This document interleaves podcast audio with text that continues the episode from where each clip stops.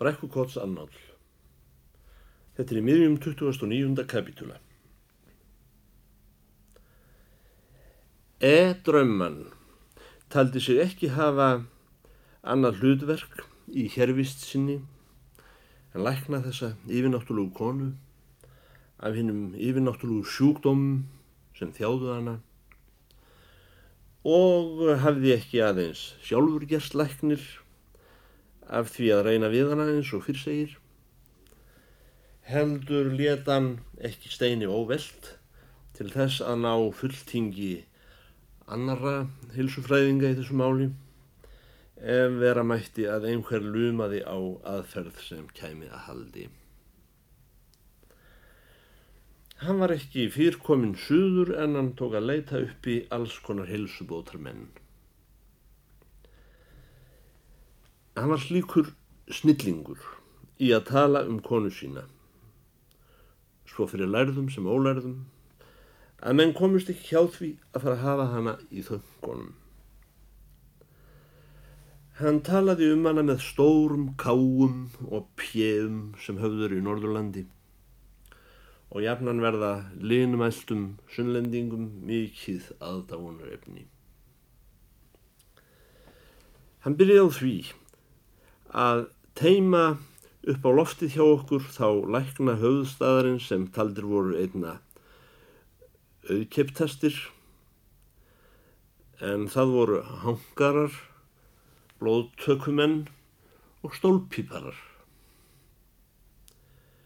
Hún tókst einnig að tegja upp á loftið skjálfesta doktora sem langaði að sjá hvernig svo kona væri í hátt sem verið hefði Hjarðmær á Gríklandi, Kongsdóttur í Himalæjafjöllum og ástmei skáldsins Horasíusar, auk þess sem var komin af löngullíðarfólki.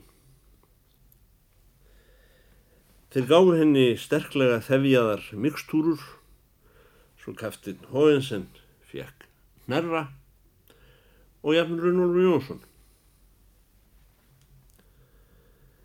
Einu sinni kom sjálfur landlæknirinn með staf, lonjættur og háan flippa.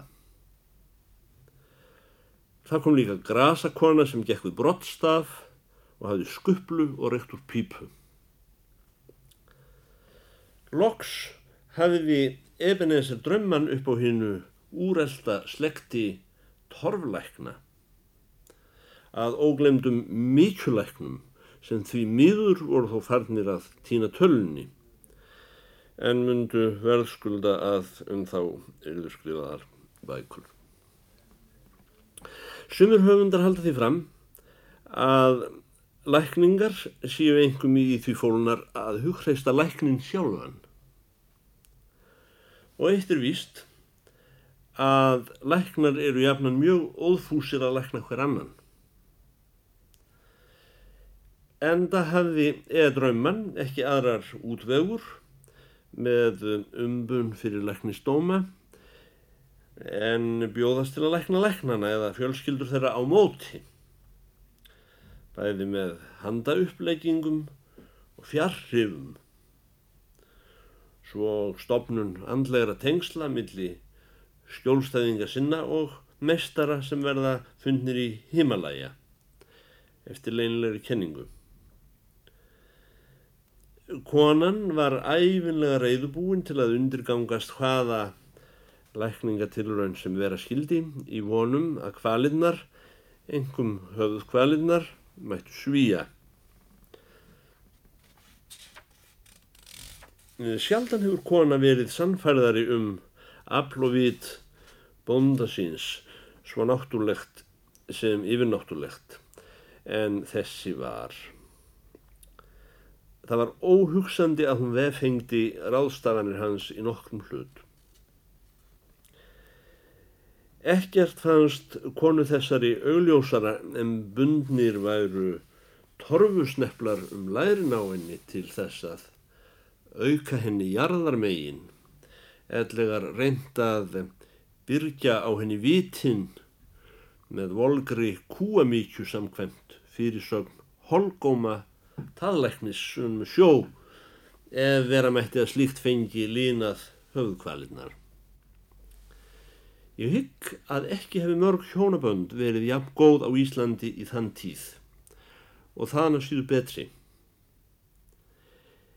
En því miður voru læknarnir varðla fyrr hann stigan en þessi yfirnáttúrlega hjarðmau og prinsessa var tekinn til aftur að emja af sáru volæði inn í komendunni.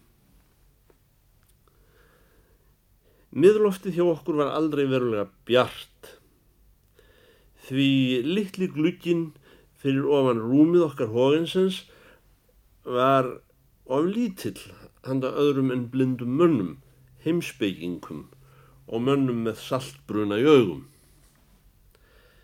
Já, valla hægt að lesa við hann latínu. Og þó var enn dimra í litlu komendunni innaraf, þar hafði mönnum til þessa ekki notast byrta til annara starfa en fæðast og gefa upp öndina. Svo litla skíma sem þar varð sítraði inn til konunar frá okkur Hógensen gegnum opið yfir dýradróttinni. Samt notfærði konan sér eftir megni þessa velktu byrtu sem aldrei hafi verið til tvískiptanna. Hvenar sem af henni bráði, tók hún til að döðra við í sömsinn. Ég heyrði hana einu sinni segja ömmu minni frá því eins og ekkert væri að þær myndir sem hún saumaði veru minningar hennar úr heimalægafjöllum. Hún bætti því við að minningar þessar strítu svo á sig að hún geti ekki á sér setið að klippa sundur hverja spjör sem hún egnaðist og sauma þær út. Enfremur að manni hennar hefði aldrei haldist á sokkum síðan þau giftust því hún rekti þá upp til að hafa ísömsgarn. þessi afbreyðileg skorkvíkindi og þá sénar júrtir úr himalægafjöllum saumaði hún fyrst hurst upp við annað í pjöllunar og síðan þegar fleiri komist ekki fyrir hlið við hlið saumaði hún nýjar pöttur ofan í hennar fyrri og rós og ný rós. Þanga til komnar voru uppleiftarmyndir Hún skreitti þær með lokkum sem hún klippti úr gulu hári sínu og fyrri sem hún reytti úr kottanum. Seinast var klúturinn orðin stinnu sem fjöl og mótti reysan upp á rönd. Þessar samþjöppuðu myndir örðu svo sveipmiklar hjá konunni að það var ekki líklegt að sá sem einu sinn leiti þær augum glemdi þeim framar. Konan virtist ekki viðurkenna tilveru manna nema þeir væru með einhverjum hætti læknarennar eða hjúkrunarmenn. Þegar læknum slepti talaði hún fátt. Hún yrti ekki á okkur miðloftsmenn en baði með hurðin væri aftur. Það líður svo margir dagar að ég sá henni aðeins bregða fyrir í rúminu ef einhver gekk út eða inn um dýrennar. Þið solbjarta mjölkur litaða fjallkonu andlit með blám augum undir geyslandi hári og sængin upp að höku. Jafnvel þegar hún var að sauma breyti hún upp að höku, hafði aðeins hendurnar upp undan og bera armana og hjælt þannig sænginni í fangi sér saumandi. En nú vildi svo til að niður í bæ lág einmitt sá andi í loftinu sem átti Ebenezer drömman að árnaðarmanni. Leinileg kenning var að stinga upp kollinum hér og hvar. Jafnir upp í latínuskóla fór að heyrast merkilega setningar eins og til dæmis allt líf er jóka eða allt líf er mæja. Spekingur eins og Ebenezer Drömman var mönnum auðfúsugestur, ekki aðeins læknum og öðrum helsubótarmönnum sem hann vitjaði vegna konu sinnar, heldur á þeirra vinum og vinavinum. Hann var þann stólgáðað maður. Þegar fráleið mátti hann ekki vera að því að stunda konu sína nema endrum og eins. Heldur var að pretika hana út um borg og bí fyrir fólki. Með því helsufari sem var á konunni þá var ekki furða þó hún er því langeið eftir manni sínum þegar henni þótti honum dveljast um of á sálfræðilegum leiðungrum. En það voru þau ein orð sem hún heilist mæla út fyrir veggi komentunar, bænar köll til kaftins hóinsens um að gá fyrir sig út um gluggan, hvort ekki sægist til mannsins koma heim. Þrítugasti kapitúli Sálinn í klæð lofti á laungu stjett, þar sem stúlkurnar ganga, þar kemur á móti mér stúlka. Eftir vana mínum þegar ég mætti stúlkum, þá gætt ég þess að líta í aðra átt. Mér einhvern veginn hálfstóð stuggur af þessum personum og taldi þeir ekki beinlýnist til manna fremur en höfðingjana. Hún var hávexti og vel á sig komin. Ég fann að hún horfi á mig. Þegar hún sá að ég ætlaði að skjótast fram hjá henni, þá komum við handleikin á mér. Hún horfi á mig með þessu einkennlega brosi sem viltist búa í sjálfu loftinu, en slá eins og glampa frá ókjendu ljósi á andlitið loftið í klætt sál eða sálinn lofti og ljósi. Blær. Röddinn hefur slíkju af áblásningu þegar hún býður góðan dag. Ég styrna allur upp eins og áður fyrir og hægt að sjá veröldin líður burt í hvítri þókun. Svo stund var runnin sem ég hafði kviðið undir niðri alla tíð síðan ég flúðana svo stund að ég mætti henni aftur. Fjaskarður komin á fallega skó saði stúlkan og horfið á mig úr loftinu. Ég saði ekki neitt Akkur eru flýðir okkur Hvað höfum við gert yfir, saði hún Ekki neitt muldraði ég næstum í hljóði funduð ekki hvað okkur þótti öllum ekki varið í þur. Pappi minn segir að ég mun hafa mótið þur. Hvað gerði ég? Ég ætlaði vist að svara og leitt framann í hana. Þá sá ég hvernig kvíkan í andliti hannar títraðundur brosinu þegar hún horfði á mig. Og það var eins og tekið væri fyrir hverkar mér. Af hverju, saði hún og held áfram að horfa á mig. Á endan glópraði ég þessu út úr mér. Þegar þér voru nærri, þá, þá, mér fannst ég myndi ekki lifað af. Nei, nú heitir mér að standa á sama, saði stúlkan. Er ég svona leiðinleg? Verðið sælar, saði ég. Ætlir ekki eins og rétt að mér höndina, saði hún. Ég rétti einu höndina. Við erum sælir, saði hún. Og mun þér að þó ég sé leiðinleg, þá býður hann pappi eftir yður. Hann segir að þér hafi drukkið yður allt sem snerti músík. Ég hef líka frétt úr annari átt að þér geti lært hvað sem er. Hvað ætlir að verða?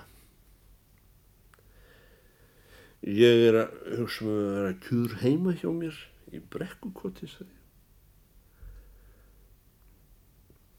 Má ekki bjóður að gera svölu að ganga heim með mér, segir stúlkan. Ég veit hvaðan pappiði fegin. Hann heldur alltaf að ég hafi gert yfir eitthvað. Ég er teptur undir lóð, sagði ég. Teptur undir hvað? sagði stúlkan. Hún skildi ekki fiskiróðramál. hún amma sendi mig til hans Fridriksens bakara, sagði ég. Og ætli þá aldrei að koma heim til okkar svo við getum talað út um það sem ég skil ekki, sagði stúlkan. Hún vissi ekki að það var henni sjálfri að kenna að ég mátt ekki mæla. Var það kvöldi þessu dags, eða kannski kvöldi eftir, að ég gekk á fund konun okkurar í bænum.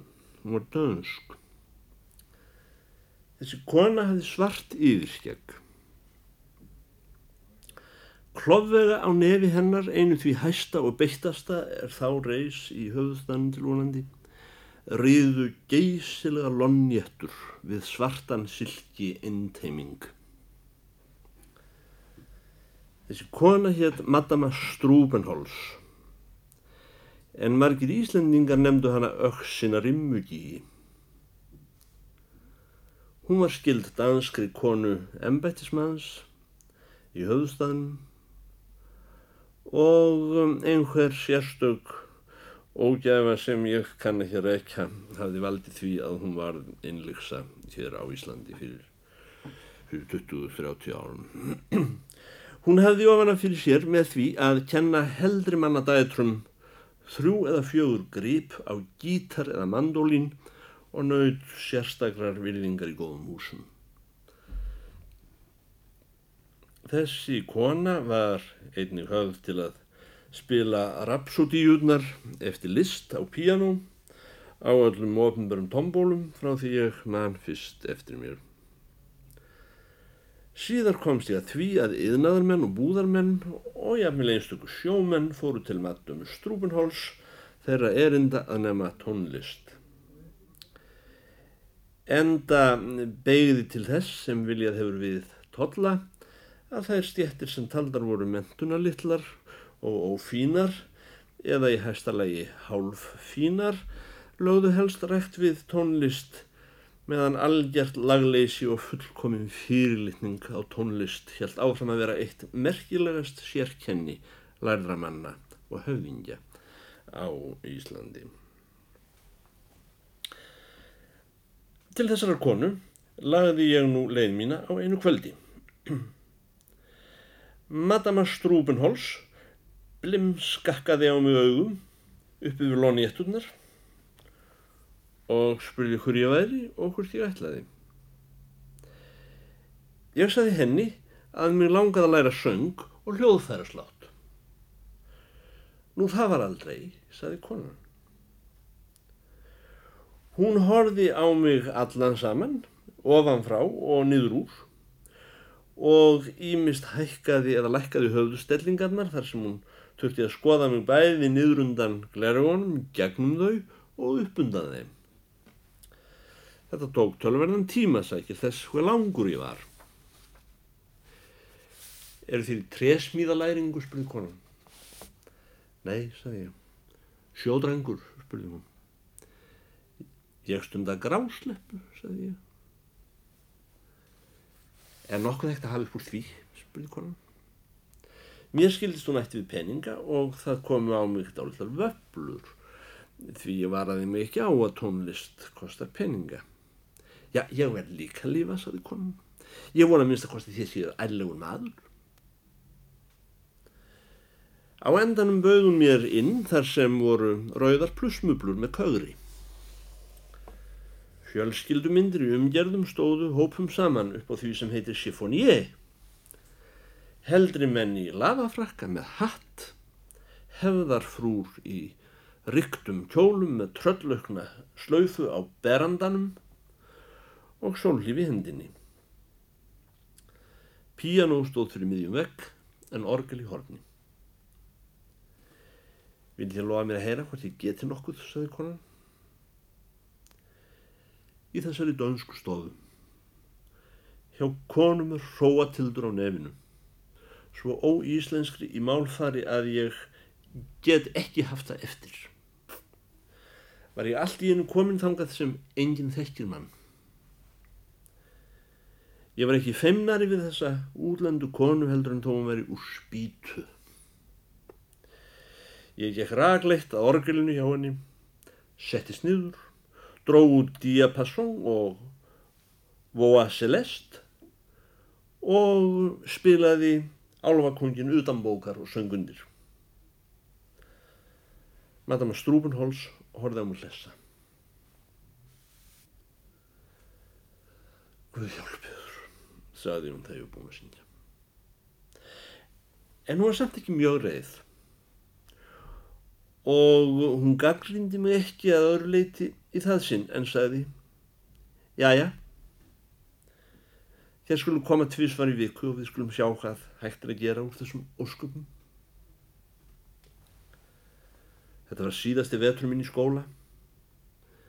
Og ég átti í rauninu yngvan félaga.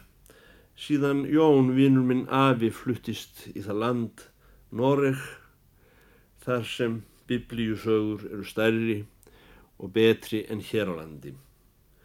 Og kristindómur hafður í hávegum meir en hjá oss sem um, við kiður að í þætti um þórð skýrara. Svo meiri eh, áhugi fyrir sálarheil kínabúa en hér. Ég kom heim með skólabækur mínar í Ríu, milli hádegis og nóns og fæ að borða hjá henni ömmu minni. Ég horfi í þögulli gleði á henni, bláar og nýttar, þegar hún réttir mér slátur og fisk og reyni að tegja tíman sem mest yfir málsverðinum með því að reykja sem nákvæmast hvernig veðrið hafi verið síðan í morgun eins og það væri aðalatrið í málinu en ekki hitt að hún skildi vera þarna enn og ég hjá henni. Síðan fer ég upp til mín og reyna að gera mér eitt hvað til dundurs, rína í dæmin mín eða hugsa um heimastílin minn eða ég teg fram fallegu skóna og fyrir að skoða þá, þá voru skólnir á hann garðar í hólum. Og það var oft erfitt að trúa því að slíkir dýrgripir sem vöktu aðdáun bæði karla og hvenna væri mín eign. Enda fór ég ekki í þá nema ég hefði meira við Yfirleitt virtist dagurinn vera of liðmargur í, mjórsíkinn þegar kom fram á útmánuði. Kaptinn Hóðinsen er orðin það ellimóður að hann á erfitt með að halda sér uppi einmitt þennan langa part úr deginum svo hann drefur sig þá venjulega upp og flegir sér.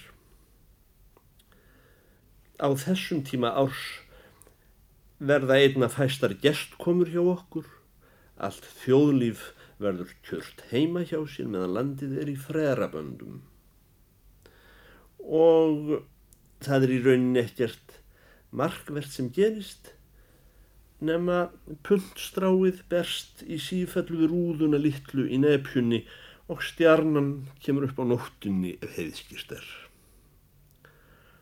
Og norðan konan stínur inn í komendunni.